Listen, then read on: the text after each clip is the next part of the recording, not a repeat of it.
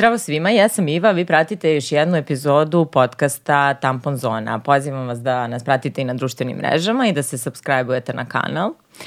A uh, ovu epizodu ste mnoge nominovale. Zapravo, uh, stalno vas pitam šta je to o čemu biste želele više da čujete i da saznate i često su tu bili, to bili predlozi da želite da čujete više žena iz cele Srbije, da slušamo iskustva sa lokala i da razgovaramo o položaju žena na lokalu. Uh, ovo je mnogo važna tema i verujem da zagrebali smo je u nekoliko epizoda, ali moramo stvarno na neki konkretni način da se bavimo time i da imamo prave sagovornice na ove teme. Uh, S tim u vezi ja sam jako srećna i velika mi je čast što su sa mnom danas u studiju velike aktivni, aktivistkinje, važne žene i mnogo im hvala eto što su u Beogradu i što su našle vremena da dođu kod mene.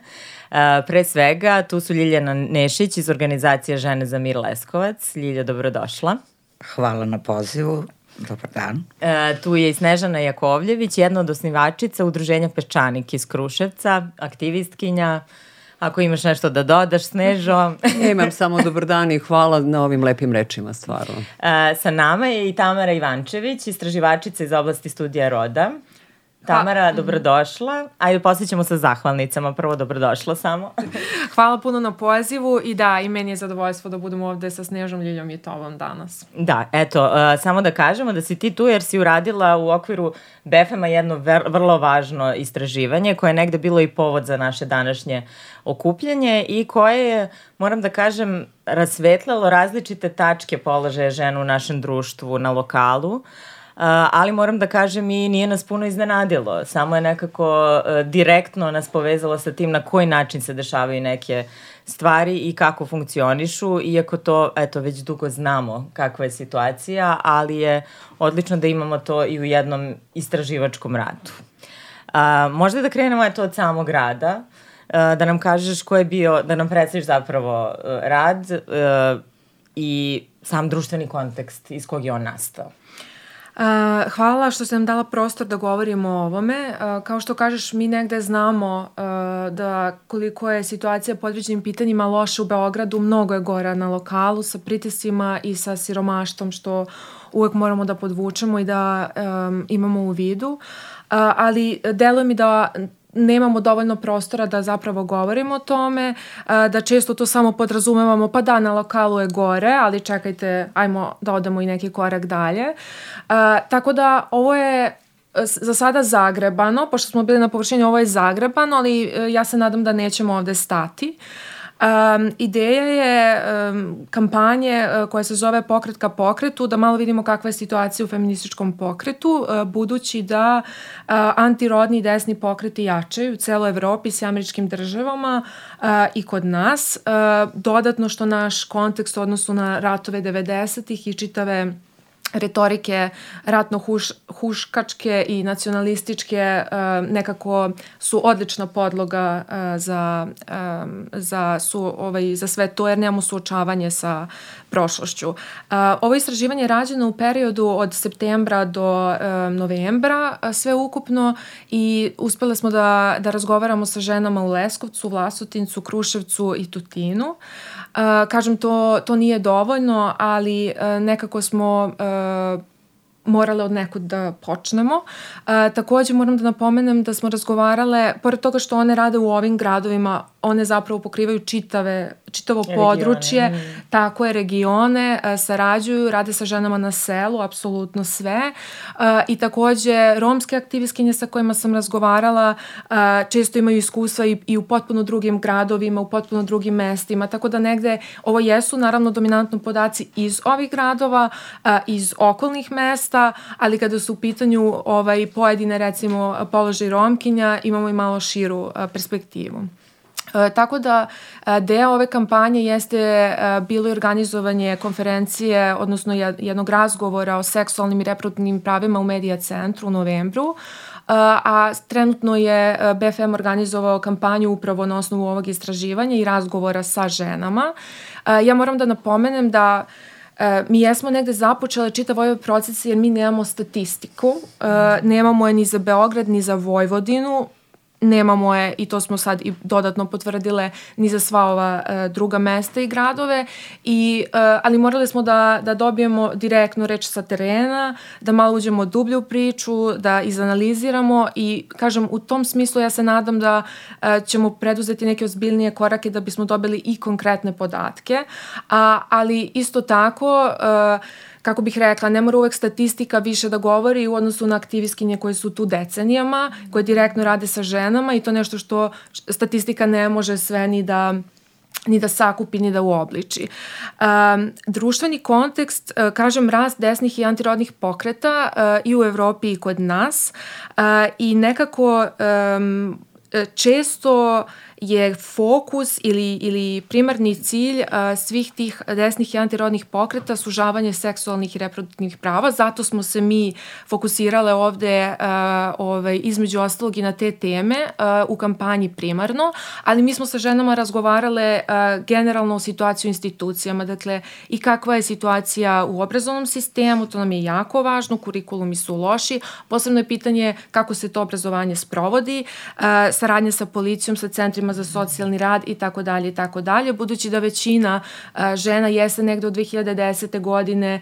a, intenzivno radila sa institucijama na najrazličitijim edukacijama i to su zapravo sve sagovornice a, istakle. Ja moram da kažem a, ovaj, opasnost od tih a, desnih i antirodnih pokreta, budući da su oni finansijski prilično a, potkovani i to ono što nas a, plaši.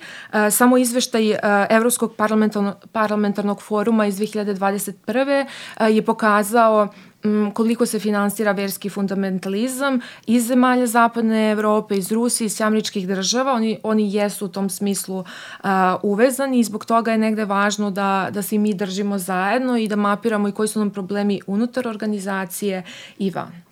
Uh, hvala ti puno i samo da kažemo istraživanje se zvalo dakle antirodno i desno na lokalu i ostavit ćemo link do ove konferencije koju ima BFM. Mislim da ona bila jako značajna i da treba da dođe do što većeg broja ljudi, posebno jer je bilo sagovornica iz okolnih zemalja koje su negde mapirale slične probleme sa kojima se i mi ovde suočavamo.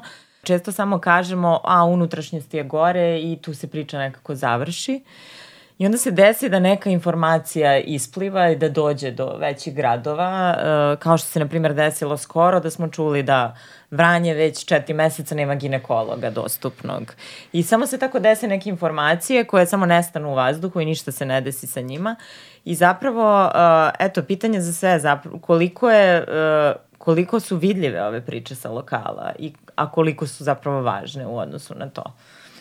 Uh, pa Ja mogu da kažem da nisu vidljive, a e, najbolje će o tome zapravo reći e, Sneža i Ljilja. E, u odnosu na to koliko su važne, pa ja bih rekla možda i više nego u Beogradu. Ovde ima mnogo organizacija, ljudi mogu lakše da se povežu, e, e, centri za socijalni rad ima ih više, zaposlenih u različitim institucijama, možete da probate da dođete do nekoga. Kada su vam ti svi resursi o, ograničeni, borba je mnogo veća. Uh, tako da e, to je negde pitanje i za celokupan feminiški pokret, za sve organizacije, za sve one koje vole da kažu za sebe da su feminiskinje, da su za ženska prava, jeste u tom smislu koliko su upoznate, koliko prepoznaju i poštuju tuđi rad. I u tom smislu da, i, i žena sa lokala. Uh, tu sad imamo, ja mislim, više stepena vidljivosti. Ja, ja, ja sam na to htela da ukažem. Uh, to je vidljivost kod donatora. Mm. Tu postoji ogromna ekonomska disproporcija i, i jedna ne fair raspodela novca uh, u odnosu na to šta vi sve ispunjavate od zadataka. Kažem, u Beogradu vi imate podeljene teme LGBT, migranti, uh, rodno zasnovano nasilje, um, um, imate možda posebno temu, imate incest trauma centar, recimo i slično. Kada ste vi na lokalu, kada imate jednu do dve organizacije, a, vi pokrivate zapravo i to je ono što su mi sve sagovornice istakle, sve te teme. I to da li vam donator to pokriva ili ne, a, vama na ljudskom nivou ne znači, jer ako se vama neko obrati za pomoć, ako a, ste vi ti koji ste prepoznatljivi decenijama kao neko ko razume, kao neko ko hoće da sasluša, kao neko ko vam priđe ko čovek čoveku, a, vi ćete onda da nađete sva moguće i nemoguće sredstva lična da biste izašle u susret. A, tako da jedna, jedna je taj stepen donatorske vidljivosti, jedan je stepen toga ko, koga sve imamo u medijima i ako znamo koliko mediji na lokalu ne funkcionišu, često su pod istim vlasnikom i slično, onda je nekako e, zadatak i obaveza medija koji su u većim gradovima e, da idu na teren i da priče ove priče i da stavljaju nekako u tom smislu u fokus uh, uh, njihov uh, rad, zalaganje i možda da nađu nove načine kako uh, da se povežu, kako da se njihove priče čuju, jer, jer postoji onda mogućnost da se više ljudi uključi na najrazličitije načine. I onda dodatno, naravno, koji je stepen vidljivosti, uh, ovaj, koliko mi jedna drugu uh, prepoznajemo, vidimo, poštujemo. Uh, Uh, i to mi je nekako možda i najbolnija uh, tema uh, u svemu tome. Uh, tako da ću samo još istaći da veliki deo rada na lokalu se radi volonterski, nije moguće ispunjavati na taj način birokratske zahteve kao kad vi sedite u kancelariji, imate osobu koja će uvek da vam sedi u kancelariji da vam završava toliku birokratiju koju donatori zahtevaju, mm. zato što morate da pokrivate teren, morate da pokrivate okolna sela, zato što vas na ulici zaustavi neko da vas pita za pomoć, jer mu je lakše tako da vam se obrati, pita vas za doniranje odeće, često žene plaćaju od svog nekog privatnog novca ili porodičnog novca taj prostor, dakle nemaju plate i zarade da pokriju, a, pokrivaju hranu tako što skupljaju a, iz kuće da bi nekome pomogli, jer a, donator na ovaj ili onaj način to ne može da čekira okay, i pravda, pokrije da. i pravda i slično mm. i onda se zaista postavlja pitanje a, toga kako se dogodila ovakva raspodela moći i ko tu koga oslovljava a, i, i zarad čega. Mm -mm. Ljiljo i Sneža.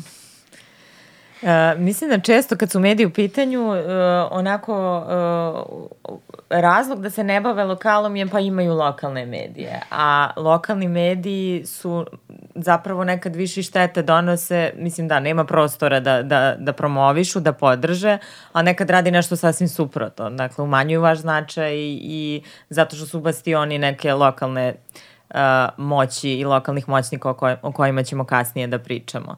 Uh, eto, šta vi imate možda o vidljivosti lokalnih priča i žena na lokalu da, da kažete? Pa, ajde. Ja mogu da kažem da mi jako dugo postojimo i da smo jako vidljive, mm. uh, vidljive ženama, vidljive lokalnoj samoupravi, uh, vidljive medijima i uh, za razliku nekako možda od drugih gradova mi, mi imamo dobru saradnju sa medijima. E, mi imamo jednu, jedan leskovački portal koji je onako baš zdušno uh, i profesionalno prati naš rad već godinama i ja sam im stvarno zahvalna, zahvalna na tome, jer mnoge informacije koje mi, do kojih mi možda kao ženska organizacija zbog svega ovoga što je Tamara mm. nabrojala, što nemamo vremena da se mm. bavimo uh, tim problemima, jer imamo stvarno jako puno žena i mnogo važnih i ozbiljnih tema, a to je pre svega opstanak jedne organizacije koja tako dugo postoji. E, sa potpisivanjem Istanbulske konvencije mi smo izgubile generalnu podršku i to je ono o čemu Tamara priča, da mi vrlo često u toku godine e, jedno, dva do tri meseca ne možemo da pokrijemo te troškove koje imamo, e, osnovne troškove za kancelariju, to je struja, telefon i, i taj ovaj zakup, oplati uopšte Mm. Neću ni da, ni da razmišljam, jel se to negde podrazumeva, ako si aktivistkinja, da ne trebaš, da, da to trebaš da radiš aktivistički, mm. a ja mm. smatram da dobra aktivistkinja može da bude samo žena koja je onako zadovoljna svojim životom, zadovoljna svojim, svojim egzistencijom životnom, jer ako ja dođem ovde u Beogradu, kao što sam sada došla, pa mi je jako udobno mm. u hotelu u kome sam odsela, pa su me drugarice lepo dočekali sve, a znam a to je 90% žena koje, su, koje žive na teritoriji Jablačkog okruga, da u frižideru nemaju skoro ništa i da je frižider prazan. Ona ne može da bude, jer uh, dobra aktivistkinja razmišlja šta je moje dete danas jelo, da li uopšte jelo i tako da ovaj, nekako uh, kuburanje sa tim da si ti aktivistkinja i da se to podrazumeva je za mene onako jako strašno. Uh, što se medija tiče, to sam rekla, da, da oni stvarno nas prate i zahvaljujući medijima mi smo ovaj, mnoge stvari otkrili koje su se kasnije dešavale i koje nam je onako uništila neku životnu energiju, optimizam, aktivizam i dovela nas u, u jedno stanje gde smo mi od od braniteljke ljudskih prava, od pomagačice postale prosto, prosto žrtve. I to je uh, onako za nas bio jedan udaraca, zahvaljujući jednom od medija, mi smo saznali u stvari šta se spreme i kako lokalna samouprava negde žele, na, želi nas da potpuno onako posle toliko godina skloni da budemo nevidljive, a što se financija tiče, znači sa potpisivanjem Istanbulske konvencije gde u jednom od članova kaže da to treba da pokrive lokalna samouprava, donatori nekako taj, tu podršku ženama, taj SOS telefon koji postoji od 2004. godine u Leskovcu, uh, mislim, zvanično uh, registrovana, a od 96. nezvanično, nekako su želi to da nam onako baš otmu. Hmm. Da. Tako da, eto, to, to su neke stvari koje se dešavaju na lokalu i koje smo mi uspele nekako da, da podignemo na viši nivo i da budemo glasne i da se ne damo zastrašiti i da se ne damo zaplašiti. Mi prosto, mi smo tu, mm. mi postojimo i to javnost treba da zna. Sad koliko smo u tome uspele, mislim da jesmo, zato smo i danas da. ovde. yes. Tako da, ovaj, uh, mislim da je baviti se aktivizmom u jednoj maloj lokalnoj sredini, mislim Leskovac uopšte nije mali, ali to je jedno samo malo veće selo, gde mi svako svakog poznaje. Mislim da je stvarno živeti na, na, na krajnjem jugu Srbije i biti aktivistkinja, biti feministkinja, podržavati žene žrtve nasilja i ostati onako stabilan na nogama i nastaviti da radiš posle svega što ti se izdogodilo, nastaviti da radiš ovaj posao, mislim da je to negde naša nekako veliki uspeh. Da eto, ne znam šta bih drugo mogla da kažem, ali mislim da jeste, mi smo opstale.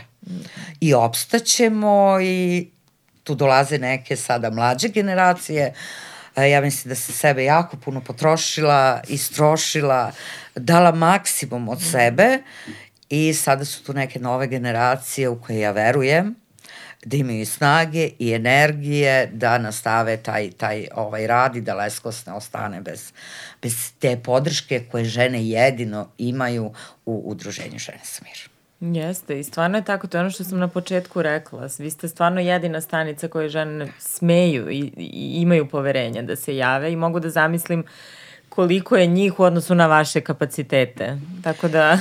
Mnogo ih je, a nas je malo. Da, da. Mi nismo institucija, mm.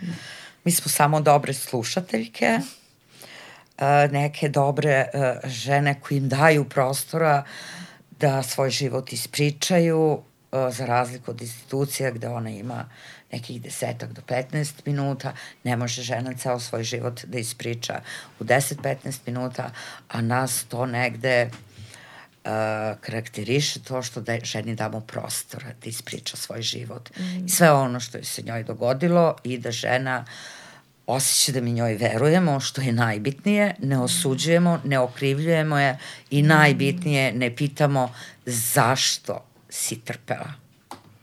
To je jedino što je zabranjeno u udruženju žene za mir. Mm. Jedino što je zabranjeno to je pitati ženu zašto je trpela. Uh, imamo mi i ostale pravilnike, imamo i mi mm. kodekse uh, koje kao mreža žena protiv nasilja ovaj, poštujemo uh, i taj pravilnik o radu, ali uh, to nešto jedino što je, to je to. Je to.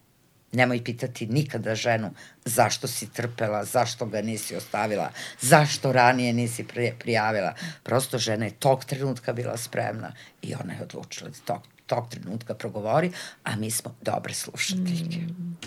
Hvala vam puno. Mislim da je ovo najvažniji neki princip kog stvarno treba izgleda da se iznova i iznova podsjećamo. I pravila koje, da, moramo, moramo da vičemo svakog dana. Da.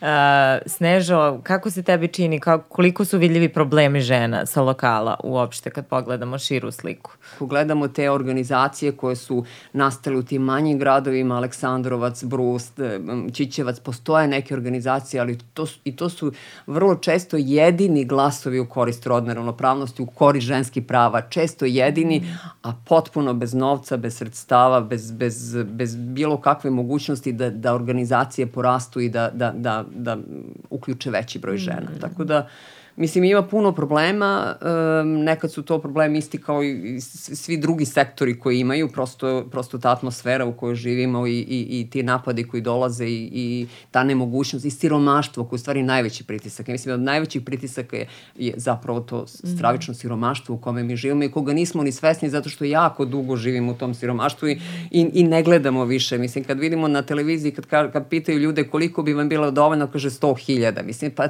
100.000 je zaista mnogo u odnosu na to ako neko nema, ima 20-30 hiljada, ali 100 hiljada stvarno nije dovoljno. Mislim, Troška ako gledam... Korpa, tako je, tako je. Tako da, mm. da mislim da to nekad, nekad se tako ovaj, se jako zabrinem u stvari za, za, za sve to i za ženski pokret i za, i za, da, za s druge strane to siromaštvo je veoma plodno tle za manipulaciju za, ljudima. Za gradnju svih tih je. kula političkih tako i lokalnih tako moćnika tako koje je isto Tamarino istraživanje pokazalo zapravo koliki je uticaj i toga tako i na ženske organizacije i na žene uopšte u tim i tačno I vidite obrazce. autocenzuru, da, jako da. je velika autocenzura mm. cenzura ljudima i jako veliki strah. Mm. Nekad nam se i ne bi nešto desilo, ali, ali nas autocenzura sprečava u stvari da, da bilo šta uradimo zato, upravo zbog tih pritisaka koji dolaze, upravo zbog te manipulacije, upravo zbog medija koji su u vlasništvu, vlasništvu određenih ljudi koji sprovode određene agende i određene politike i taj autokratizam u stvari u kome živimo, mm. mislim sve to, sve to utiče. Da, meni je to, to strašno što je bukvalno ono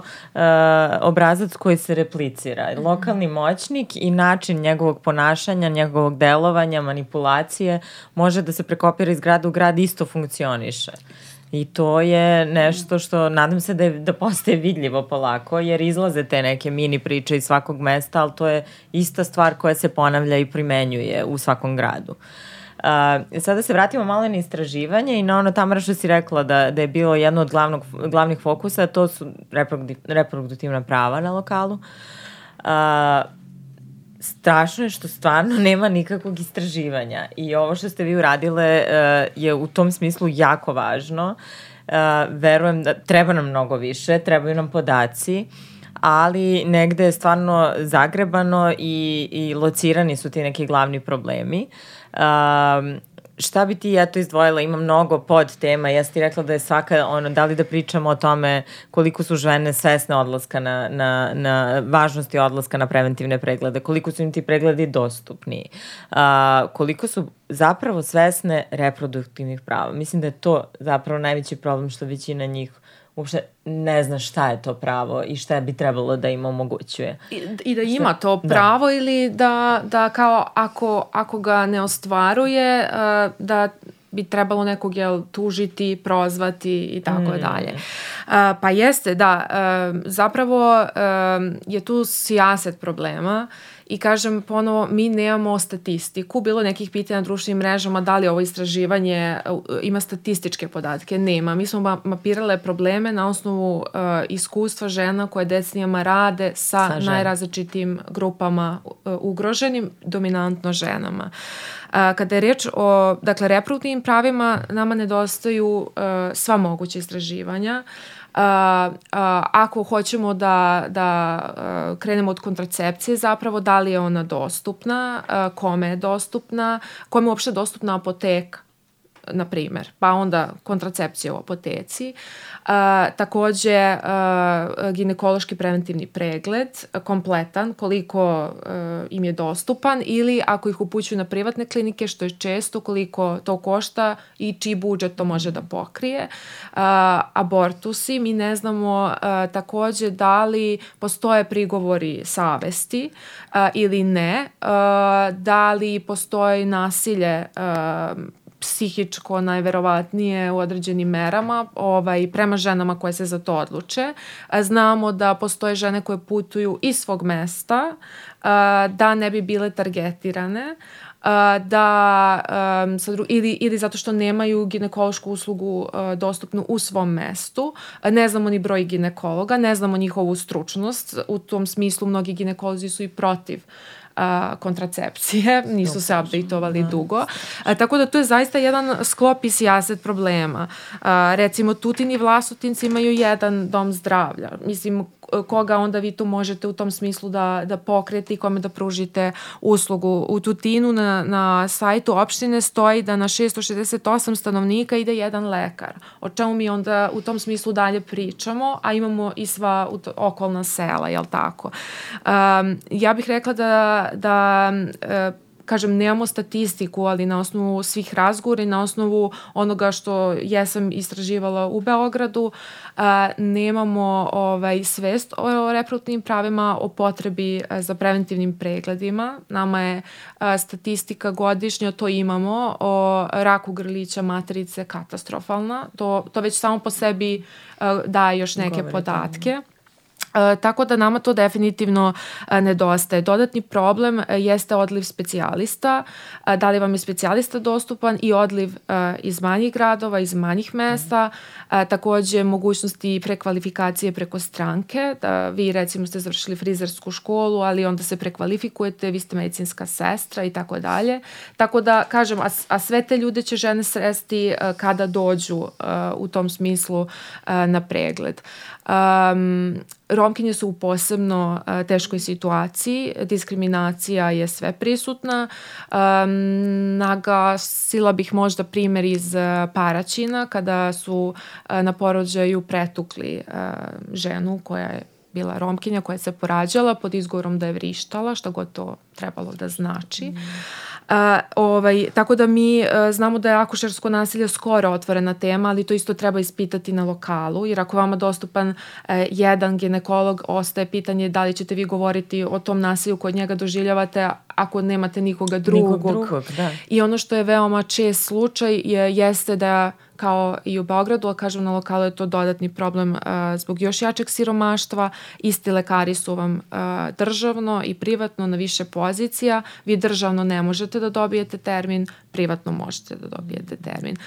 Da, i kako mi radimo prevenciju onda na, na lokalu, šaljemo autobus i to je zaista priča svih žena, jednom u godinu dana, jednom u dve godine, u koji ne, ne, ne mogu sve žene da dođu na red na mamografski pregled mm i slično. Tako da je situacija jako loša ja se nadam da ćemo po pitanju ovaj, statistike uraditi nešto, a zapravo dok dolazimo do te statistike da ćemo doći do različitih priča mapirati uh, neke stvari. Ali postavlja se pitanje uopšte uh, dostupnosti lekara na lokalu, budući uh, da mi sad imamo ozbiljan odliv stručnih lica. Mm, da, ja sam se baš zaprepastila kad je izašla ta priča za Vranje ovaj, i naša novinarka uh, trenutno obrađuje tu temu, vjerojatno kad se bude emitovala epizoda možda će biti i gotov tekst.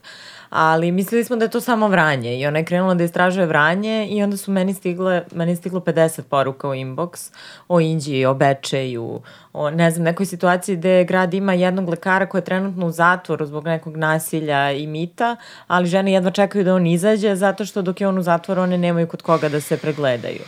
I mislim, slična je stvar, ajde pričamo sad o reproduktivnom zdravlju, ali i sa pedijatrima i sa mnogim specijalistima, Jeste, da. da su gradovi ili bez lekara ili imaju jednog lekara na, na, na ceo grad, što je stvarno neverovatno nešto. Uh, sad da vidimo, vi da nam date neke uvide iz vaših sredina u vezi sa reproduktivnim pravima, šta ste uočile, eto šta ste ispričale Tamari u istraživanju, možda eto i ovde da kažete, šta ste uočile kao najveće probleme?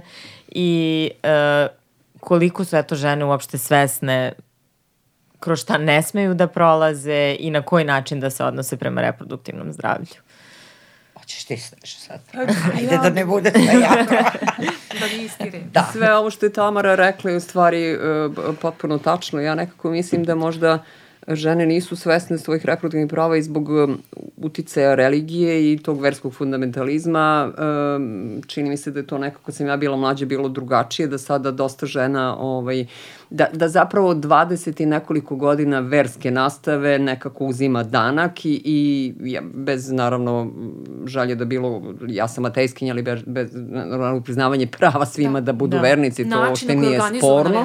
Da. Ali recimo ono što, što ja se, pravo da vam kažem, uplašim kad uh, prolazim gradom i vidim kad prođemo pored na, uh, ovaj, jedne od gradskih crkava i, na primjer, od, od de, možda od deset ljudi, devet se prekrsti mladih ljudi kad prođe pored crkve. Mislim, mm. tu ja, meni je to nekako uh -huh kako kažem, ovaj, neshvatljivo, mm. iskreno rečeno, to ranije nisam viđala, znači to, to sad da li je neko stvarno, ili taj podatak recimo sa posljednjeg popisa da je 1% ateista u, u situaciji kada se u svetu povećava broj ateista i ateiskinja, mm. recimo gde je 50% i više ljudi u Češkoj, da je kod nas to tako malo nekako, bar preispitivanje u stvari šta je religija, šta je crkva i šta je, šta je vera uopšte. Uh, ovaj, to, to mislim da nekako utiče na, na, na to da, da ljudi opet imaju tu neku vrstu autocenzure i da su nekako bojažljivi u odnosu na svoja prava koje, koje im pripadaju, mislim i na, i na žene i na, i na reproduktivna prava naravno, a od dostupnosti zdravstvene zaštite mi smo radili jedno istraživanje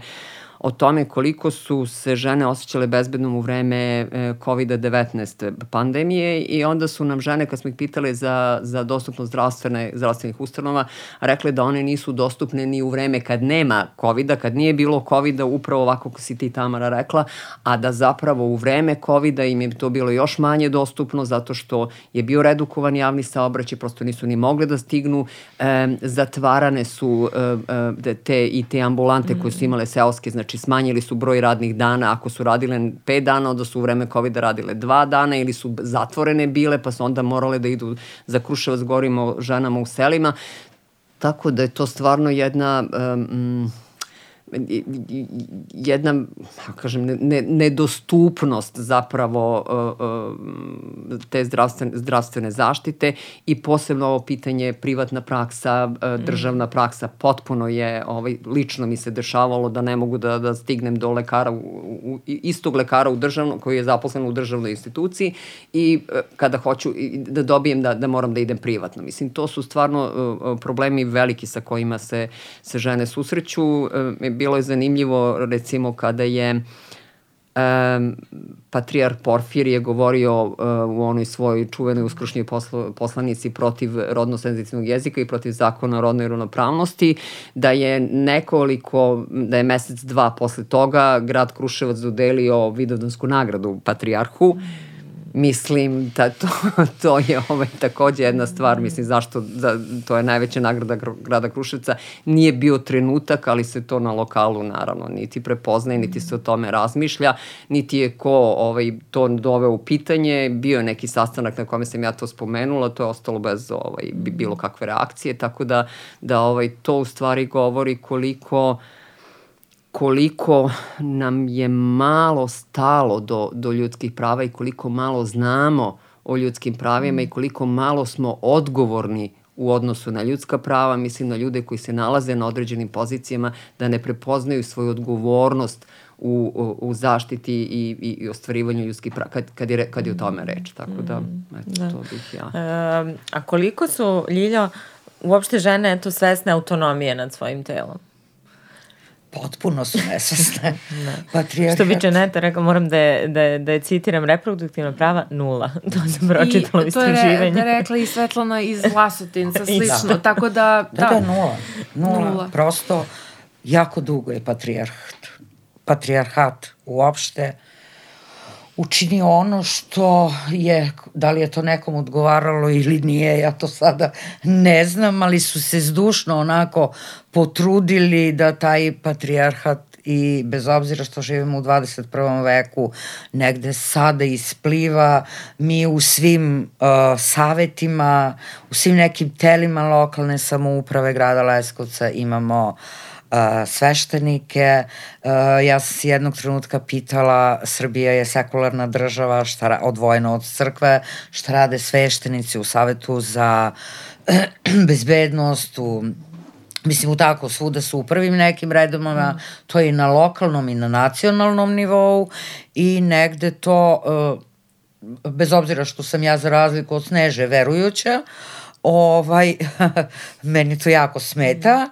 Uh, jedino što demokratskoj vlasti ne mogu da oprostim, to je ono što su uveli veronauku u školi. Veronauka se ne uči u školi, veronauka se uči pri crkvi, pa svako od roditelja ko smatra da dete treba da mu bude ovaj verski obrazovano, uh, neka pri crkvi imaju svoje uh, konake, imaju svoje, svoje neke prostorije, pa mogu roditelje da dovode decu. Mislim, meni je to nedopustivo da uniformisano lice uh, šeta, šeta školom, mislim prosto to je nešto što ja sa tim ne mogu da se pomirim i stalno na to ukazujem da to nije dobro, da to nije dobro za decu.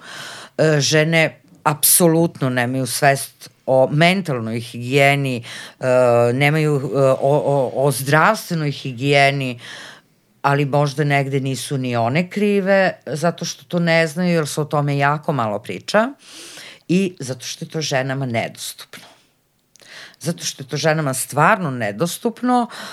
Mi smo sada radići u nekim fokus grupa, grupama što se bezbednosti tiče, kako žene vide bezbednosti ženskog ugla i bezbednost u javnom prostoru. Mi smo uradile uh, fokus grupu sa 46 žena iz, uh, uh, sa cele teritorije Jabličkog okruga i, i došle negde do saznanja da mi imamo još jednu vrstu uh, žena koje su jako diskriminisane, a to su žene gde se nigde ne spominju. Obično, čak i u našem sektoru, u ovom nevladinom i ženskom pokretu se negde spominju mlade žene, Uh, čak smo i mi počeli selekciju kada imamo neke projekte, naravno zato što donator to od nas traži, da radimo sa mladima, pa ograničavamo, znači ovaj seminar je za mlade devojke od 18 do 30 godina i ovo, nigde žene od 50 plus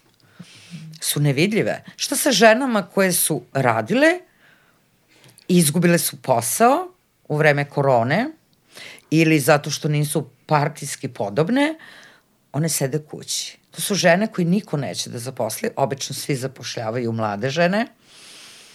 Šta sa tim ženama?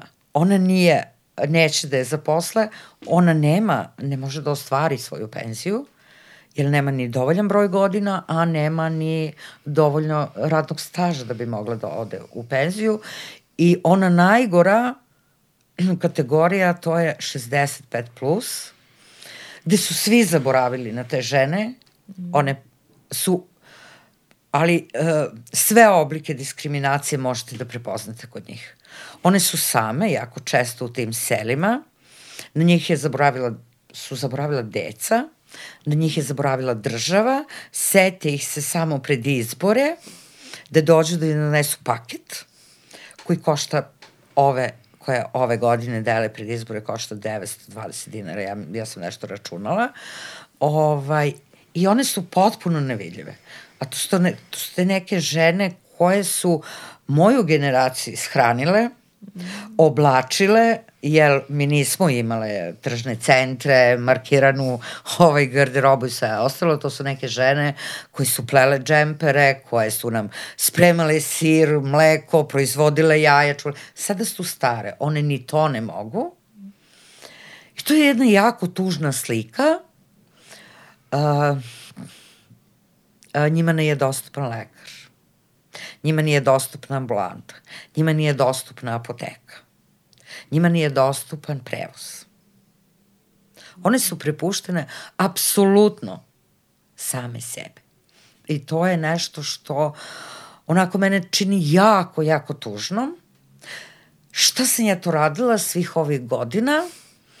Zašto sam išla na sve te seminare, na sve te obuke, slušala neke divne predavače i predavačice i, i, i, i učila o svemu tome, ja ne mogu da pa, spasim ceo svet. Ja ne mogu da spasim sve žene. Mi se trudimo da dopremo do što veći broj tih žena, da njima pomognemo u, do, u doba pandemije, ono što je Snežana ovaj, spominjala, e, žene koje su uh, sa nekom psihijatrijskom diagnozom i piju neke lekove, one su lečene preko telefona, i to one koje su imale telefon da, da, da pozovu. One koje nisu imale telefon snalazile su se tako što je neko iz ovaj, bližeg okruženja zvao, mi smo im kupovale te lekove, a kada se dešavalo nasilje, Uh, one su takođe prijavljivale telefonom, jer nisu imale čime da dođu da prijave, one su zvale nas, uh, mi smo zvale centar i one su dobijale uh, neke instrukcije šta je potrebno. Najtužnije mi je bilo kada su profesionalci iz institucija procenjivali uh, da li je to nasilje ili nije i da li su to lakše ili teže telesne povrede na osnovu telefonskog razgovora. Prosto to je nešto što je nedopustivo, to je nešto na što ja nikada neću da pristanem, ja ću da budem glasna, uh, ja ću da vičem, da govorim o tome, neću stati, ne može tako. Prosto ne može, svi smo mi ljudska bića, neko ima tu privilegiju da se rodi u nekom većem gradu, ali nemamo svi privilegiju i ne možemo svi i nije dobro da svi živimo i da svi smo mi različiti na svoj način, ali prosto moramo svi da imamo iste mogućnosti i ista prava. I to je ono nešto gde se ja nekako uh, baš onako nemoć. Mm. Taj patrijarhat, na, patrijarhat, bože kako ne, hoću, ne da beogradski da, da govorim. Nemojte, molim vas, ja sam iz Jagodine, sve je da. dozvoljeno, mi smo ovaj, Taj patrijarhat nam je negde, koliko mi mislimo da smo porasle i da smo negde ojačale, da smo negde porasle i izdigle se iznad, iznad sredine u kojoj živimo, onda nas taj isti patrijarh toliko oduzme da. moć i vrati nas negde nazad, da mi, ja, ja vrlo često sebe pitam, šta si radila svih ovih bezmalo 30 godina? Da li si ti to dobro? Mislim, prispitujem sebe umesto da direktno postavim nekom pitanje. Halo, to ne može tako. Postoji mm. zakon. Jedino što od vas tražim, to je da poštujete one zakone koji su propisani, koje je ova država potpisala, koje je ova država donela. Prosto ja ništa ne tražim što nije nemoguće. Sve je moguće. Samo malo od institucija da budu nekako senzibilisanije. Leskovac ima mamograf. On ga je imao i pre 20 godina, ali taj mamograf nije radio.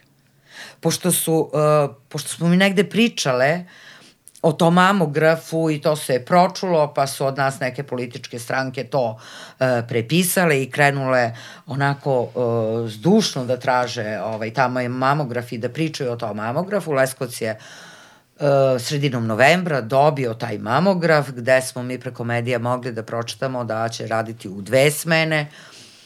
Nažalost, ja nisam otišla da proverim tu informaciju da li taj mamograf stvarno radi i koliko je on dostupan ženama. Verujem da ženama iz, sa rurara i iz drugih opština sigurno nije, de, uh, nije dostupan.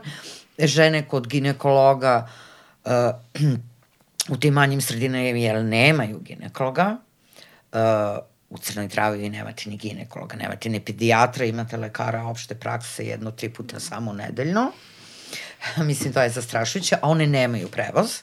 One su imali neki kombi koji je išao dva do tri puta nedeljno nešto do Vlasotinca, znači prva inst, uh, zdravstvena institucija gde one mogu da dođu, to je ovaj, Vlasotince, a najčešće iz Vlasotinca, pošto nemaju kapaciteta, njih šalju za Leskovac. To je jako, uh, to nije velika, to je 70 kilometara, ali tih 70 kilometara da biste prošli, morate da se vozite najmanje dva, dva i po sata, jer, jer putevi nisu baš i nešto ovaj, dobri i prestižni, jako se uveliko priča da izgradili su se putevi, ali taj nek, ta, te neke seoske sredine, pa čak i gradske sredine ovaj, nemaju baš i neke normalne puteve.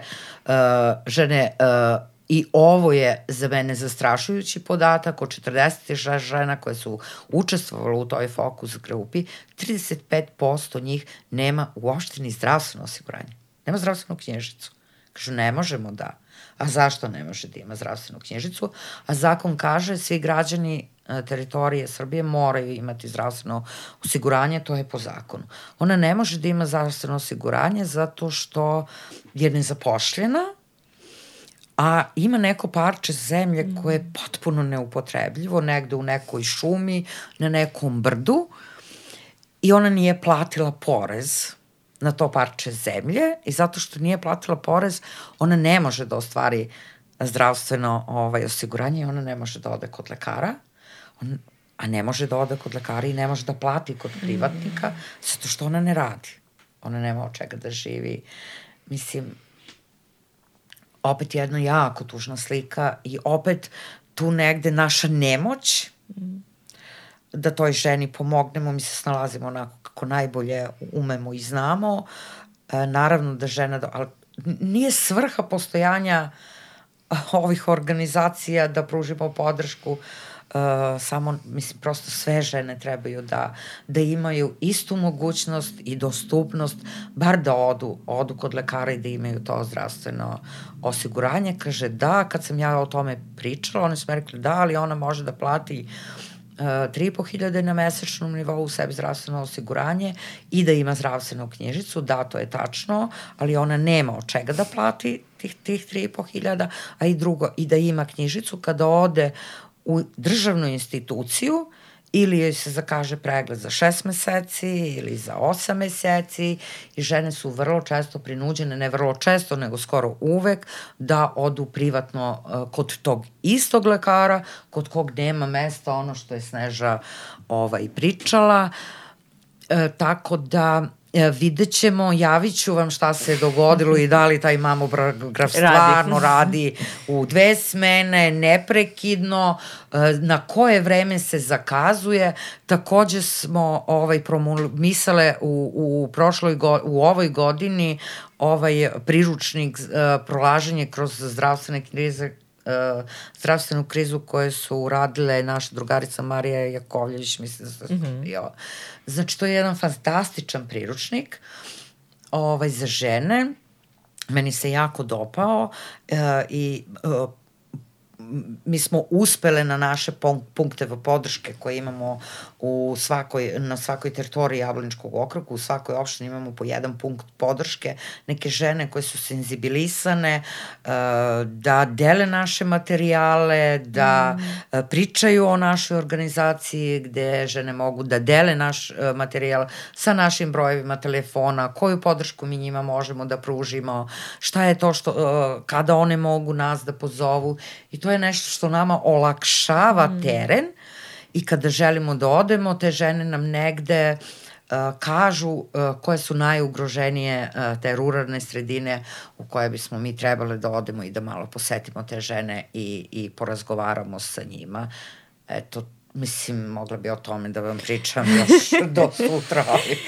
da, ali e, meni je strašno kad pomislim koliko ima i hitnih intervencija koje su ženama potrebne i koje se samo izignorišu i ostaje zdravstveni sistem potpuno slep na njih.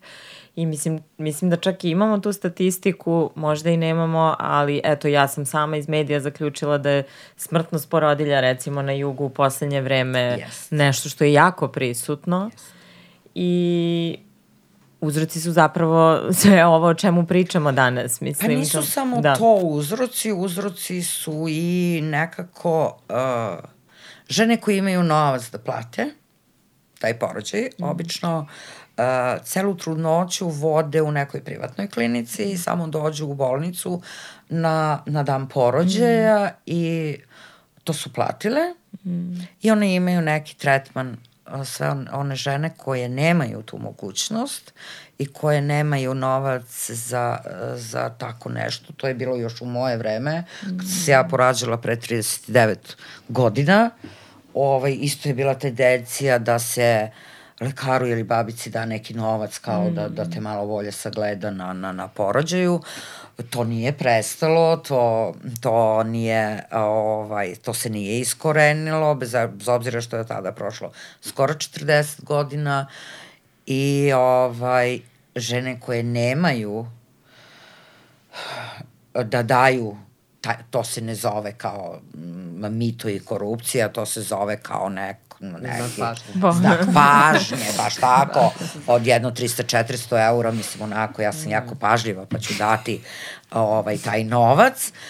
E, te žene koje nemaju, onda je njihova smrtnost povećana. To je prosto nešto što je stvarno nedopustivo i zapravo za sve ovo o čemu si ti Ljiljo pričala jedina odgovornost i najveća odgovornost i da državi, odgovornost i na nama kao građanima i građankama da, da prozivamo državu, da pitamo zašto to ne radi, da pritiskamo državu da radi, da primenjuje zakon, ali odgovornost za sve to što se dešava i ne dešava kad je reč o implementaciji zakona je isključivo na državi i nekako država mora i ljudi koji, koji o, o, i obavljaju državne funkcije moraju toga da budu svesni. Ja imam utisak kad govorimo recimo o našim institucijama na lokalu, da su ti ljudi koji su postavljeni da vode institucije lojalni su, lojalni su svojim političkim partijama, lojalni su svojim predstavnicima, nisu lojalni građanima i građankama. Oni moraju da budu lojalni građanima i građankama. U odnosu na njih moraju da imaju odgovornost, ne u odnosu na one koji su ih postavili.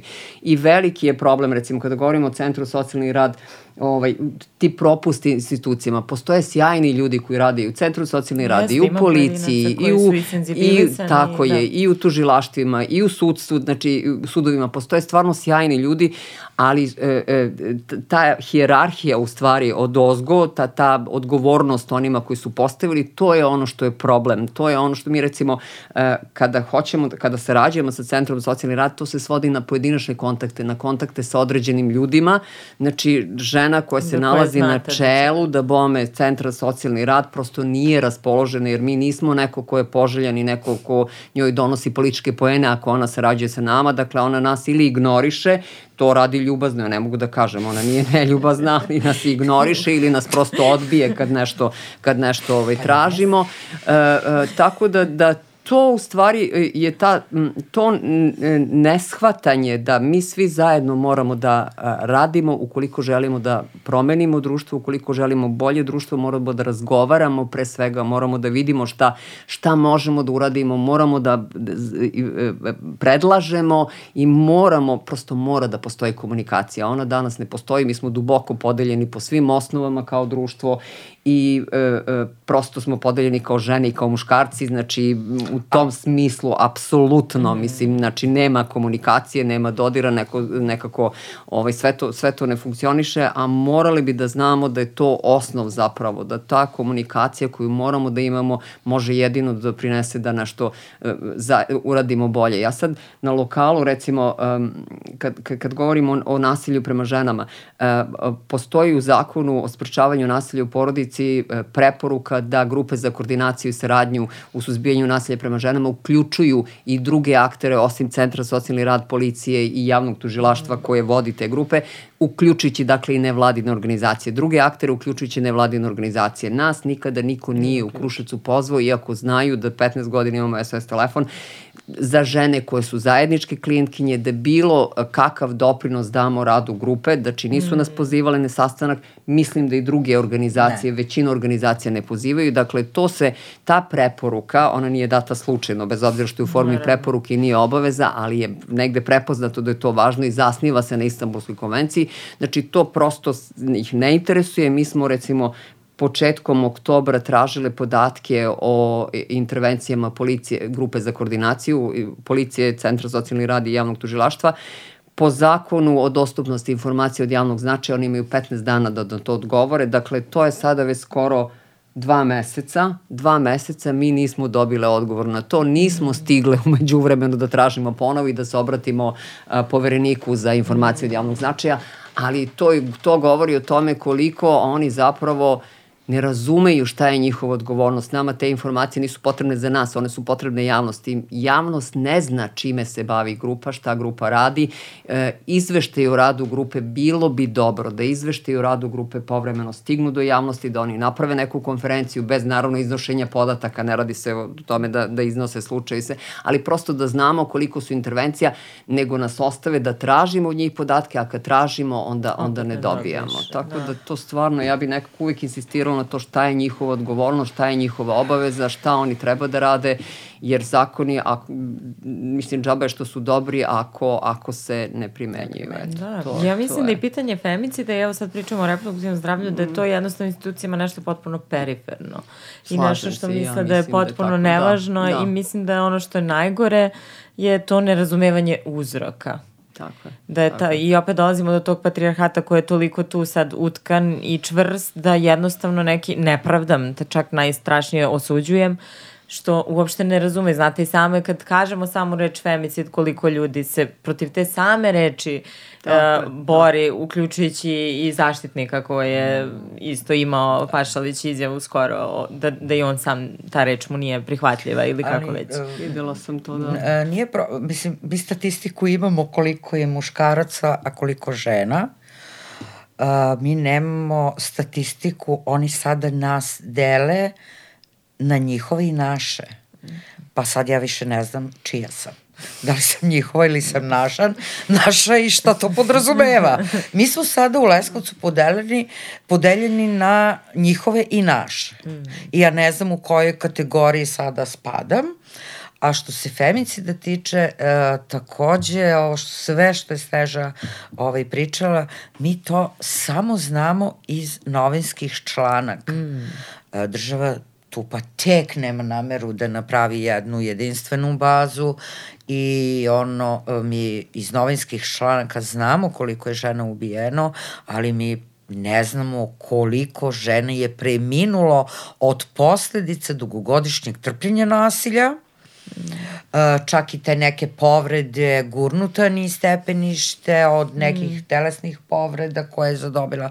Pitanje je jel se to niko ne bavi, jel niko ne traži ovaj, one, mm, kako se to zove, kada žena premine kao od neke povrede, mm, paleni stepenište, ovo, mislim, da tu, tu, urade ili da, to se ne traži, mm. tako da ja mislim da je ovo zastrašujući broj ovih 28 žena koje je ubijeno od početka godine, ali mislim da minimum ima još toliko žena koje su preminule od posledica, uh, posledica trpljenja dugogodišnjeg nasilja, žene se stide da, to, da o tome pričaju, mi ih negde ohrabrujemo da nije sramota njihova i da pričaju o tome, mm. da prosto uh, tu priču treba da šire, da uh, komšiluk treba da zna da je on nasilnik, da uh, uh, porodica treba da zna da je on, on nasilnik i neke koliko ih žene god štite, oni će tako bahati da budu, mm. jer su to obično divni ljudi, divni porodični ljudi, divne komšije, divne kolege na poslu i ovaj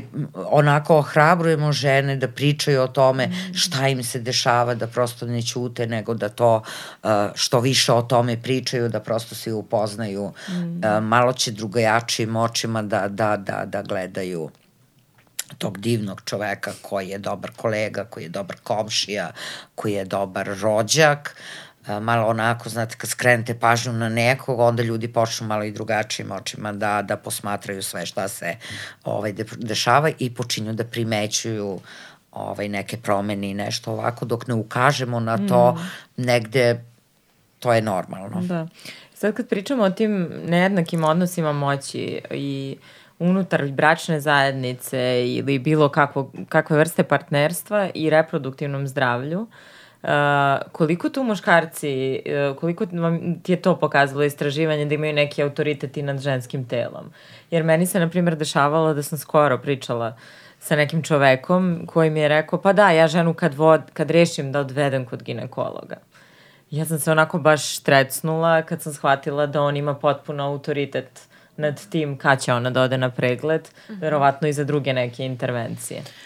Pa sasvim sigurno ovo kada smo uh, pominjali abortus tu, tu je bilo više uh, priča sa, sa terena i u tom smislu uh, dok sa jedne strane postoji ova uticaja crkvenog narativa o tome da je to greh i ubistvo koji nekako prisvoje svi ali muškarci ovaj posebno ne postoji na primjer, muškarac pošalje, odnosno odluči zapravo da će ona izvršiti abortus jer njemu tako odgovara, iz kogod razloga, a onda zapravo i dalje produbljuje taj narativ o tome kako je ona učinila nešto što je pogrešno.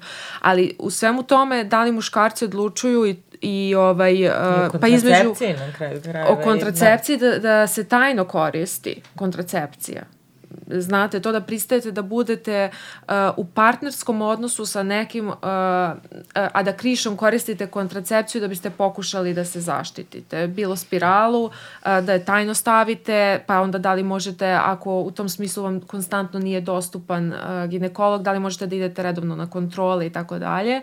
Ovaj, bilo da je u pitanju, da, kontracepcija koja košta, uh, A, I u svemu tome onda ide i ovaj finansijski moment jer muškarci dominantno uh, određuju budžet. Uh, I čak i ako žena radi zaposlena je, dešava se da uh, odluka jeste na muškarcu o tome kako će se taj budžet rasporediti. I ako žena mora da, ako trpi ekonomsko nasilje, mora da pravda taj novac, onda jeste pitanje kad će otići uh, kod lekara. Tako da, uh, tako da da, bilo je, bilo je i tih priča. Uh, ajde još malo da pričamo o ovim reproduktivnim pravima zapravo, jer mislim, mislim da je jako važno iskreno, eto i ja koja se negde i bavim ovim temama, neke informacije su me baš onako zapljesnule i nisam bila svesna koliko je negde na lokalu ovaj uh, loša situacija. Sa kojim problemima iz ove sfere vam, se vama obraćaju najčešće žene? Pa žene nemaju prava na teritoriji Jablaniškog okruga da odlučuju o tome da li će rađati ili neće, o tome odlučuje mm. ovaj partner. I ja sad ne mogu to da kažem u procentima, bar one žene koje se nama javljaju se suočavaju sa, sa tim problemom. Znači, to je nešto gde ona ne može sama da donese odluku.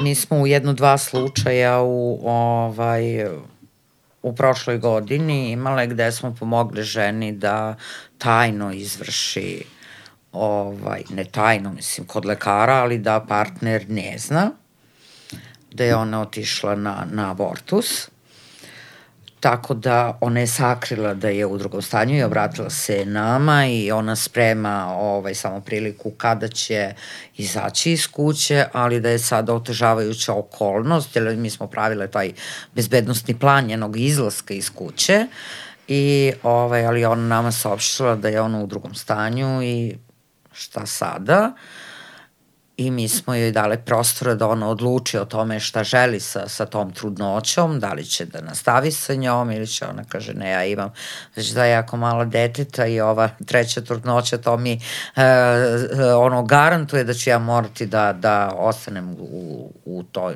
sa tim čovekom porodici, tako mi smo bile neke posrednice, dogovorile sa lekarom, ona je otišla i, i e, bezbolno su završile to. Eto, to su samo neke dve ogli... U, u stvari, žene se uopšte ne pitaju da li to žele, jel kada se žena uda, to je taj, ponovo ponavljam, taj patrijarhit, od nje se očekuje da ona u roku od godinu dana ostane u drugom stanju i e, naravno rodi to dete gde se e, produžuje vrsta, prezimene i negde je, još ako je dete muško, onda je to uh, podobno. Ako je žensko dete, onda to baš i nije, nije onako mm. pa dobro, da, nije, nije baš poželjno, da. zato što je žensko, tako da jako, jako malo žene mogu da odluče. Što se kontracepcije tiče, one nemaju para da to kupuju, nemaju dostupnost lekara ili moraju da čekaju dva meseca, tri meseca da, da, da zakažu taj ginekološki pregled i za privatno uopšte nećemo da razgovaramo. Mislim, žena, žena koja trpi ekonomsko nasilje, uglavnom, ako trpi psihičko mm. nasilje, ako trpi fizičko, onda ona trpi i ekonomsko nasilje, a neretko i u nekoj četvrtoj, petoj priči kada žena ogoli svoj život, obično je tu i seksualno nasilje koje one uopšte ne prepoznaju, koje one uopšte ne prepoznaju, Uh, juče smo o tome pričali na ovoj konferenciji, mislim, prosto to se podrazumeva da ona treba da ispuni neku želju ovaj svom partneru. To je odgovornost države, nema informacija. Oh, da, da, da, nema, da, da, tako je, žene, žene da. nemaju, uh, žene ne dobijaju te informacije. Žene jedino preko ženskih organizacija dobijaju koje su njihova prava. Da neko nema prava da je vređa, da neko nema prava da joj oduzima novac, da neko nema prava da viš, vrši fizičko nasilje na njom, da neko nema prava da zahteva bilo koju seksualnu radnju ako ona to ne želi. Žene nemaju informaciju o tome.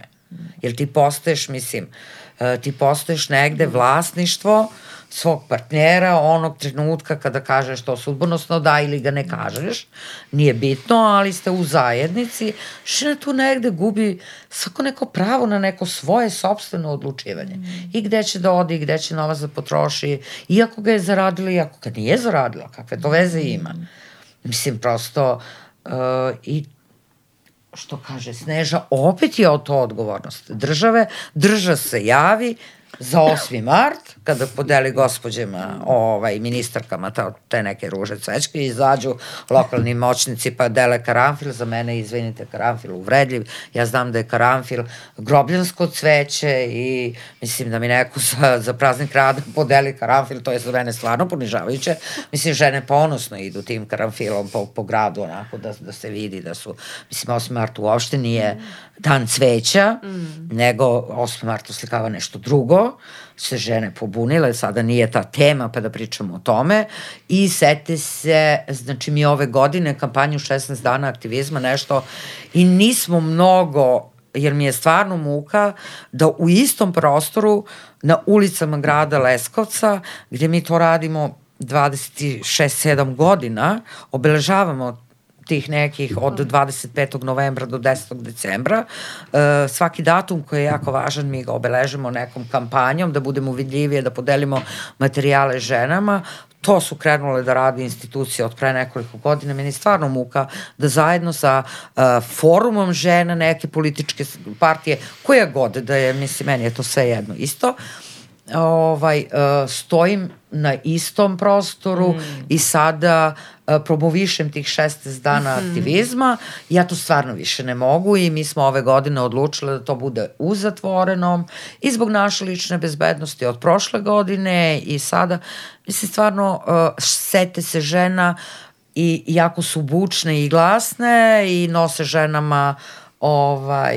Um, nekim siromašnim ženama nose neke televizore, neke pakete, mislim, ne znam više ni šta nose, jer stvarno nemam kapaciteta više da to niti slušam, niti čitam. Uh, I stvarno ne mogu da stojim zajedno sa njima i mi smo nekako odlučile da malo na drugačiji način. Evo mi smo došli da 10. decembar proslavimo u Beogradu zajedno sa autonomnim ženskim centrom na njihov rođendan. Ja sam stvarno presrećna zbog toga.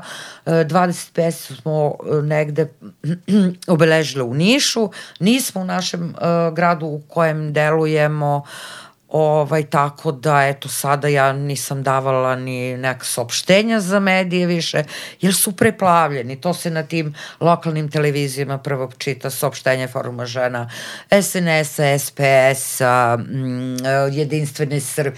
I ovo, i mi tu dođemo negde na kraj kad su se ljudi već umorili, ja kažem, pa nema efekta nema efekta da to više ovaj stvarno da se utrkujemo sa njima jer mediji ipak ovaj, oni su na budžetu uh, grada Leskovca, ne svi, ali 99% mm. jesu i nekako naravno oni se finansiraju iz budžeta i oni će sigurno propratiti uh, pre forum žena uh, ne znam, SNS-a, nego što će propratiti neke aktivistkinje koje dugo godina tu rade, a i na kraju krajeva dali smo im dovoljno prostora, one svake godine tu, ajmo, ovo je nešto novo.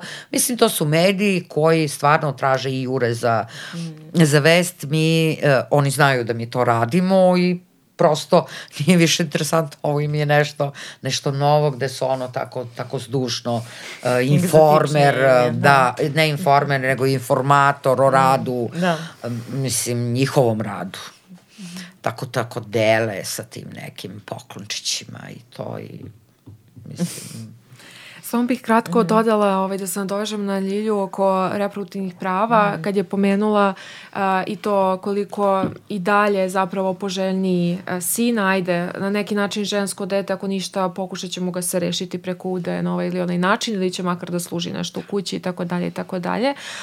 Ostaje i ta vrsta statistike selektivnih abortusa, jer mi smo svi ovde bili šokirani podacima iz Crne Gore, na primer, ali da, jeste... evo, baš sam skoro u epizodi da. smo to pominjale i baš sam primetila u komentarima da ljudi iz Srbije na to gledaju kao, jo, to se tamo dešava. Da. A ja isto sama znam i kad sam istraživala tu temu, da je ovde možda nije došlo brojčano toliko vidljivo, Da. ali je i tekako prisutno. Da. Kakve su moje saznanja, Da. ne znam, sad ti možeš Da. isto da dodaš, da. Pa treba nam, mm. treba nam u tom smislu više uh, razgovora sa ženama u nekom sigurnom okruženju gde bismo i mogle da dođemo do informacije, jer kao ja, ja se bojim ako femici, i statistika o femicidu ne može da se uvede da je ovo tek negde uh, daleko, ali sam samo htela da pomenem da, da ni to ne znamo na tom području šta se zapravo dešava, a čim postoji tolika, toliko poželjnije muško dete, ovaj, sasvim sigurno da neka vrsta ovaj, predrasuda i odluke na osnovu toga, na osnovu pola donosite.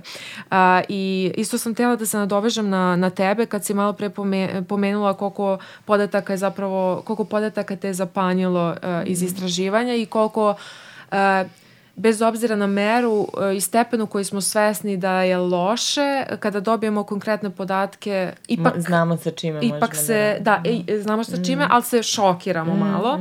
I to je meni, na primjer, bilo kad sam, kad sam pričala između ostalog i sa Ljiljom, ali i sa drugim sagovornicama, a, kada, kada je u pitanju uh, dostupnost interneta. Jer neko će kaže, pa dobro, ajde, danas se mladi um, informišu ili žene mogu da se informišu preko interneta. Neko nema dostupan internet. Neko nema uopšte ovaj smart uh, telefon i u tom smislu dokle uh, doseže uh, siromaštvo i ekonomski uticaj, mislim da nekada zaista nismo svesni ovaj, te vrste uh, privilegije, odnosno odsustva bazičnih zaista stvari. Mm. Žene na teritoriji Crne Trave nemaju ni mrežu. Imaju jednu mrežu i to samo na jednim određenim mestima, nije pokrivena cela trva, crna trava i to je, im je dostupan jedino 6.2 i 6.3, mm -hmm. mobilna mreža. I sada negde a, a, dobijam poruku, a, korona je, i dobijam poruku od donatora da radimo online kampanju.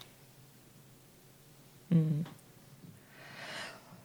kao što država treba da se izmesti iz udobnih cipela i izađe malo o, iz kancelarija, tako i donatori isto. Treba malo da izađu iz svojih cipela udobnosti mm. i da malo krenu uh, po tim ruralnim sredinama, da vide kako se žive. Mislim, uh, nisu potrebe žena iste u Kruševcu, u Leskovcu, u Vojvodini i u Beogradu sve smo mi žene i svaka ima nekako uh, imamo mi iste potrebe, ali nekima su dostupnije, nekima apsolutno nedostupne, a to su vam žene iz Crne Trave i žene uh, sa teritorije Medveđe. Medveđa, sama Medveđa ima pokrivenost, već kada krenete od Medveđe nekih 3-4 km, pa kređete, kre, krenete ka Kapitu i ka Tupalu, gde su apsolutno stan, uh, albansko stanovništvo, mm -hmm. tu nemate čak ni mrežu, i vi se nađete, mislim, na tom putu uh, jednostavno izgubite sve.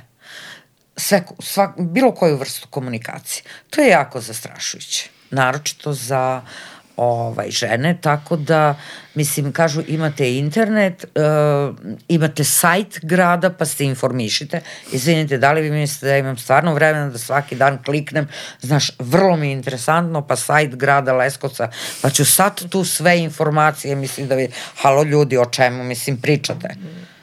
Pa ja ne, ne, ne klikćem, nemam razloga što da klikćem.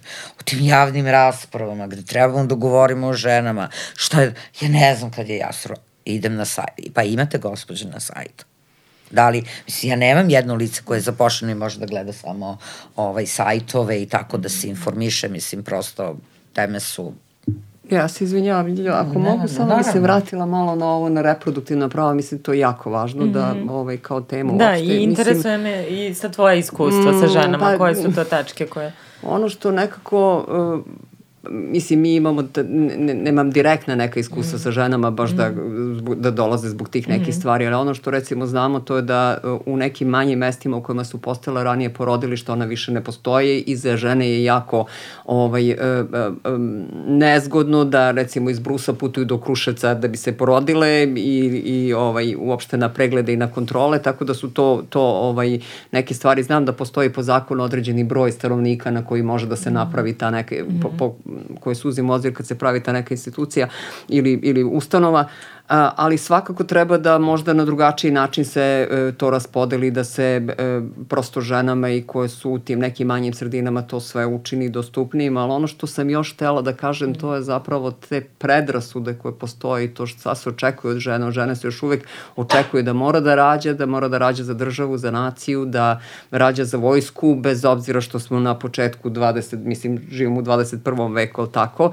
E, još uvek se očekuje da ona sama ne može da odluči, da treba se dogovori sa, sa, sa članovima svoje porodice, da li će, da ne govorimo o slučajima kada je zabranjeno da abortira, nema dogovora, nego je zabranjeno to kako se gleda na žene koje odluče da ne rađaju decu, e, prosto se to nekako, ovaj, sećamo se svih onih priča kad kažu pa žene su dostigle visoki standarde ekonomski, pa neće da se maltretiraju, pa neće ovo, pa neće ono, mislim to to hedoniskinje, ne sećam se tačno izraz, ali je bio baš taj hedonizam, jeste. Tako da, da još uvek gledamo, gledamo na to kao na, na, na, na, na neko, neko ovaj, vrstu nečega što nije poželjno i što ne treba tako da bude, bar društvo tako gleda. Sa druge strane, strane, ne, ono što nam nedostaje, to je obrazovanje za reproduktivno zdravlje. U školi nema tih predmeta, obrazovanje za seksualno obrazovanje nedostaje, mm. onaj pokušaj incest trauma centra pre nekoliko godina je odbijen, nakon toga se ništa nije desilo, iako je vlada rekla da će sama to da uradi.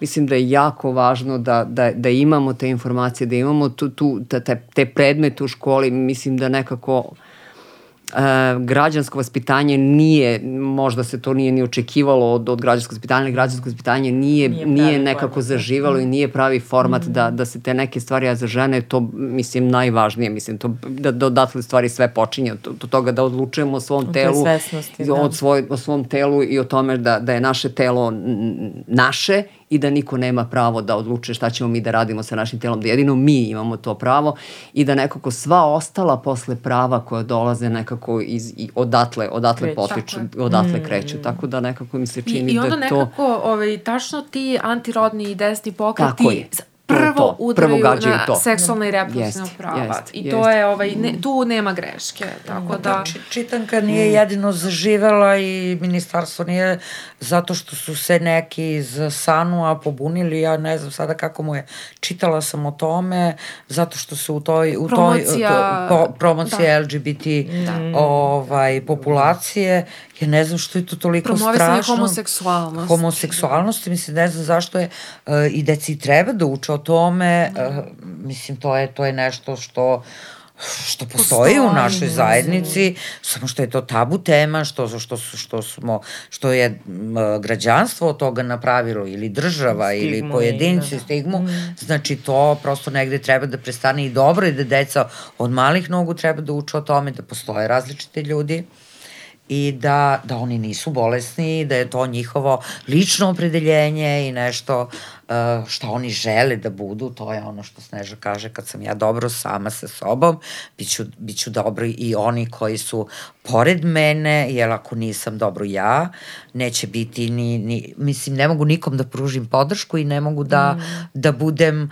onako zdrava, da mogu da, da, da, da budem podrška nekom drugom, ako se ja loše o, osjećam, a negde u, u ženskom pokretu ili smo mi previše umorne koje smo dugo pričale smo sa Snežom o tome uh, ili nas stvarno ta administracija jako puno ovaj pritiska mi se više uopšte ne bavimo sobom a nama je i te kako potreban odmor, mm. da brinemo o sebi, da brinemo jedna o drugoj, mm. da jedna drugoj budemo podrška, da prosto imamo prostor, da nas niko ne osuđuje ako za sebe zatražimo odmora, uh, to nam je stvarno omogućio autonomni ženski centar na kraju prošle godine, kad smo mi stvarno više nismo znali uh, gde ćemo, šta ćemo i kako ćemo. Uh, prosto imali smo tri dana na raspolaganju da se mi dobro osjećamo. Pa samo tri dana. Ali to su samo dva dana jer smo u putu jedan, u putu dan, jedan dan da. provele. To nama znači. Tu, svak, tu svaka organizacija mm. treba da ima. Mm. Tu svaka organizacija koja se bavi ovako teškim temama Misli, stvarno, ja ne razumem zašto, zašto je to tako strašno ako neko zatraži, prosto meni je potrebno da, da kao organizacija odemo na nedelju dana negde, gde nećemo ništa da radimo, gde će svaka da uzme ono što je njoj potrebno. Ja ću da čitam knjigu, Marija će da pliva, Snježa će da se šeta, misli, ali da pritom stvarno ništa ne radi. Mm. Da. Toga nema. Nekako, kako kažem, je važno da, da postavimo i mi neke granice prosto i kao nevladin sektor da znamo šta može, dokle, ali pogotovo kad je reč o saradnji sa lokalnim, lokalnim samoupravima ili sa nacionalnim nivom, bez saradnje i bez dijaloga nije moguće mm. prosto delovati i, i nije moguće rešavati probleme žena koji su zaista velike jer u krajnjoj liniji država je najodgovornija. Mi smo tu da ukažemo i da pritiskamo državu i da kažemo šta, i da dajemo eventualno predloge. Ali nekako bez, bez, bez te svesti da svi zajedno moramo da radimo radimo na tome da neće se mnogo toga desiti, neće biti mnogo, mnogo, mnogo velikih promena. Mm. Tako da nekako uh, je važno da mi postavimo neke linije i da kažemo aha, od ovde može, ovo može, ovo više ovamo već ne bi, ne, ne bi moglo i važno je takođe da uh, um, kada govorimo o saradnji sa, sa uh, zvaničnicima, nekako budemo svesni uh, kada je to njihova agenda, a kada je to stvarno saradnja. Mislim, mi govorimo o saradnji, ali to najčešće nije zapravo još uvek saradnja. Nismo na tom stepenu, država nije na tom stepenu da razume, bez obzira to što je donala strategiju o povoljnom okruženju za rad civilnog sektora, to, to je jedno je strategija, drugo je ono što se dešava u praksi. Znači, e, država ne razume odgovornost da uključi, da ponudi uslove stvarno za rad civilnog sektora i da uključi civilni sektor u rešavanje problema i uključi civilni sektor u definiciju definisanje i lokalnih i nacionalne politike, država znači to ne razume, a sa druge strane ovaj, e, e, mi zaista imamo dobru volju kad dobijemo poziv od lokalne samouprave, mi razmislimo, prosto sednemo, razgovaramo o tome e, da li ćemo nešto da prihvatimo ili nećemo, ali vrlo često znamo da je to ipak njihova agenda i da ono što, što, što da se naše učešće svodi samo na učešće. To, da to nije dovoljno, to hoću da kažem, nije dovoljno i moralo bi zaista da postoji druga, drugačija, mnogo kvalitetnija saradnja i e, mnogo kako kažem, ne negiranje i marginalizovanje nevladinih organizacija i ženskih grupa, mm. neko uzimanje u obzir ekspertize koju mi imamo, jer mi imamo ekspertizu koju nemaju ni institucije, jer nemaju vremena toliko da se bave ženama, pogotovo kad govorimo o nasilju prema ženama. E, imamo ekspertizu koju, koja dolazi od neformalnih e, e, naših skupova, koja dolazi od samih žena, od kontakata sa samih žena. Zapravo u svemu tome najviše naučimo od samih žena koje, koje se obraćaju za podršku. I toliko razrađene strategije yes. koje samo neko treba da primeni i da sasluša. Stvarno. Uh, mislim da bismo mogli ovako još dugo, dugo, ali ajde polako da privodimo kraju. Možda Tamara tebe da pitam uh, tvoje lične neke utiske, mislim, pričala si sa svim ovim ženama koje, verujem, neke poznaješ i od pre i pratila si njihov rad, ali ovo ti je dalo verovatno neke nove uvide, tako da ajde da podeliš s nama neki lični utisak, ajde i kao Tamara i kao istraživačice. Nije to dvoju. Da, verujem. uh, pa ja sam uh, zaista uh, bila pod ogromnim utiskom ovaj, uh, kada sam se vratila sa tog puta. Uh, Mislim da zaista ni ono što će biti objavljeno istraživanje, što je nažalost opet zbog, um, zbog zahteva samo 10 strana, to, to je premalo. U tom smislu nije moguće preneti sve te priče i sve te borbe. A, moram da kažem da imam ogromno poštovanje prema svima njima.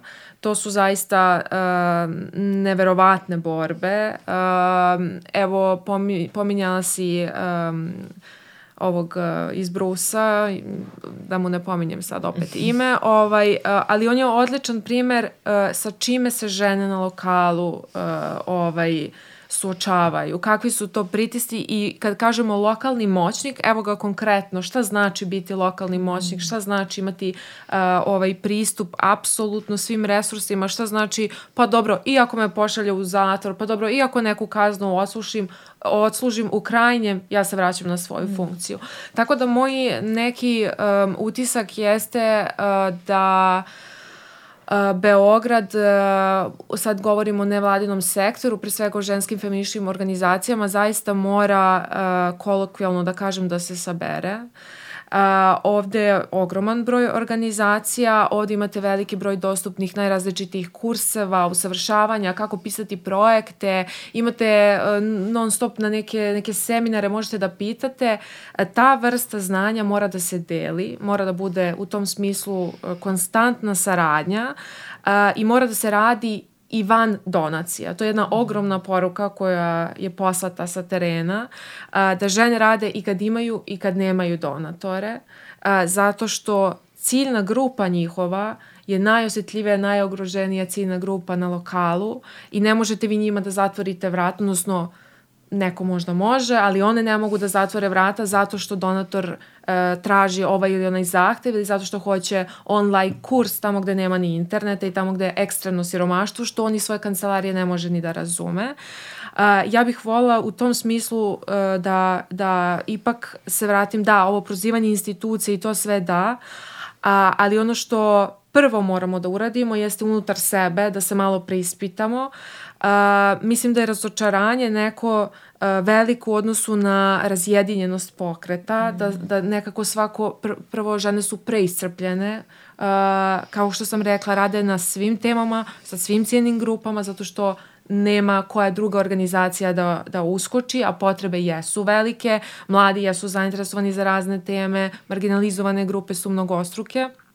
Tako da ono što mislim da zaista mora da se a, nekako dogodi a, i taj citat je između ostalog Ljiljin i stavljen u ovo istraživanje, to je da se vratimo i nekim počecima, a, ajde a, zašto je postojala potreba da se organizuje žene u ženski pokret.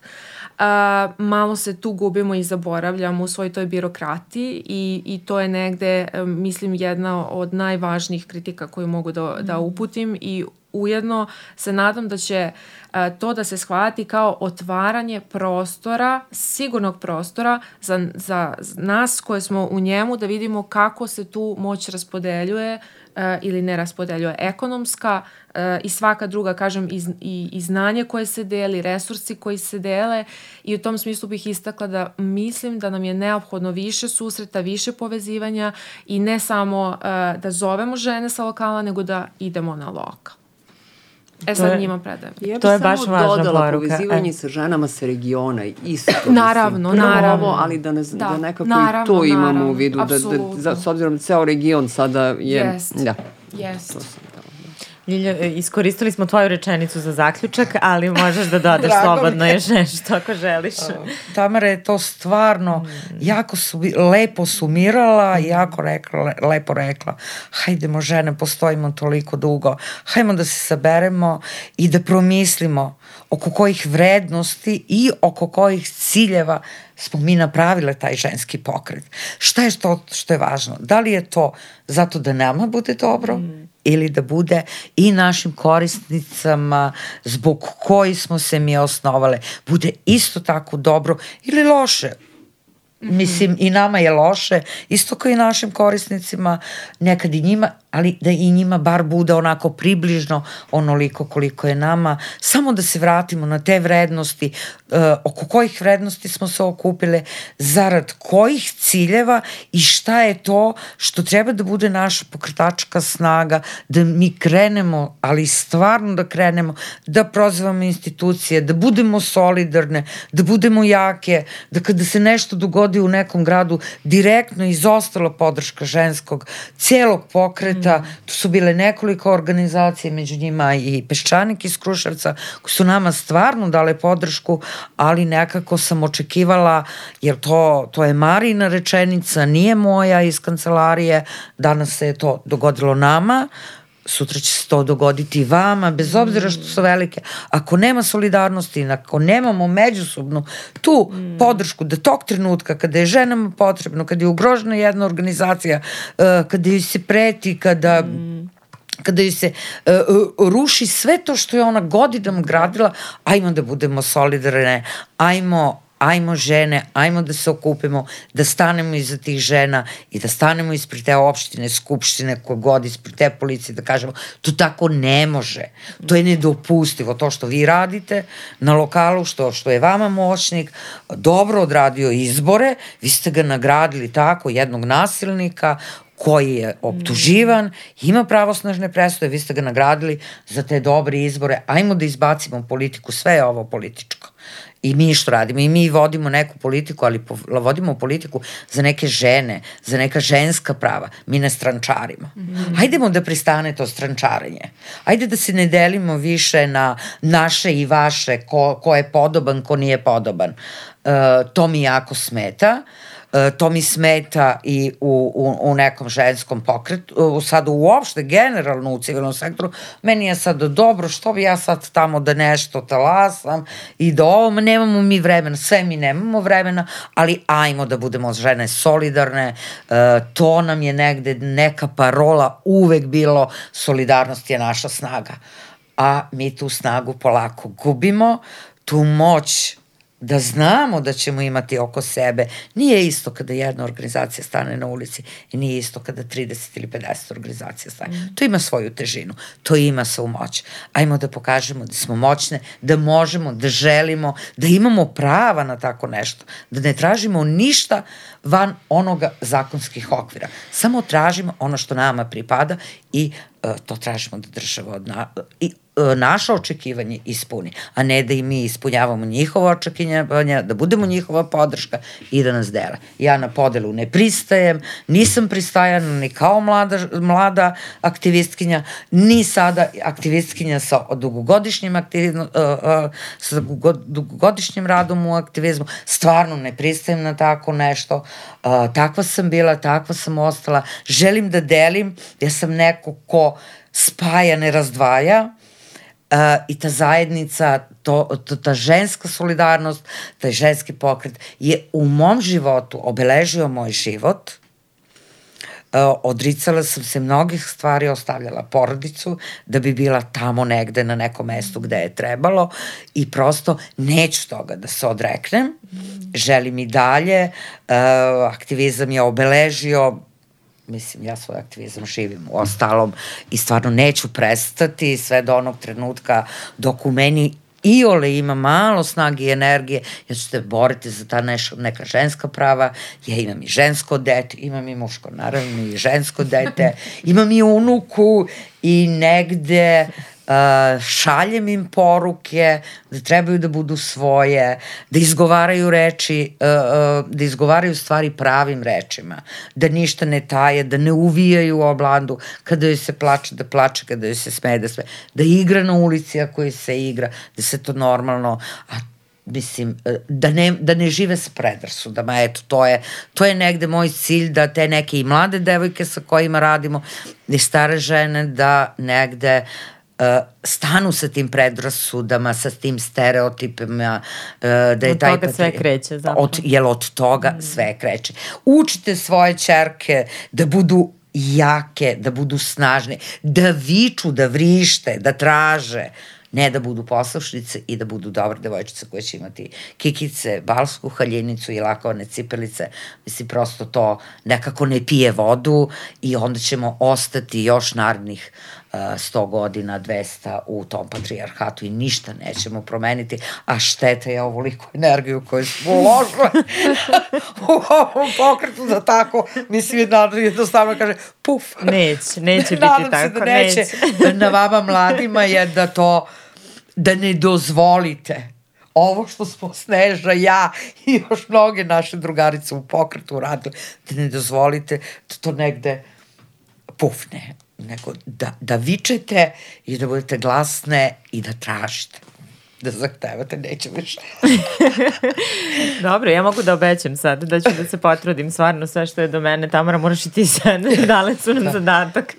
E, hvala vam puno na ovom gostovanju. Tamara, hvala puno na istraživanju. Uh, nadam se da će, eto, rekli se da će 10 strana biti uh, javno, je li tako, i dostupno. Mm -hmm. Okačit ćemo link, možda će biti čak i dok izađe epizoda. Svakako ćemo okačiti link i konferencije koja je bila održana o reproduktivnim pravima.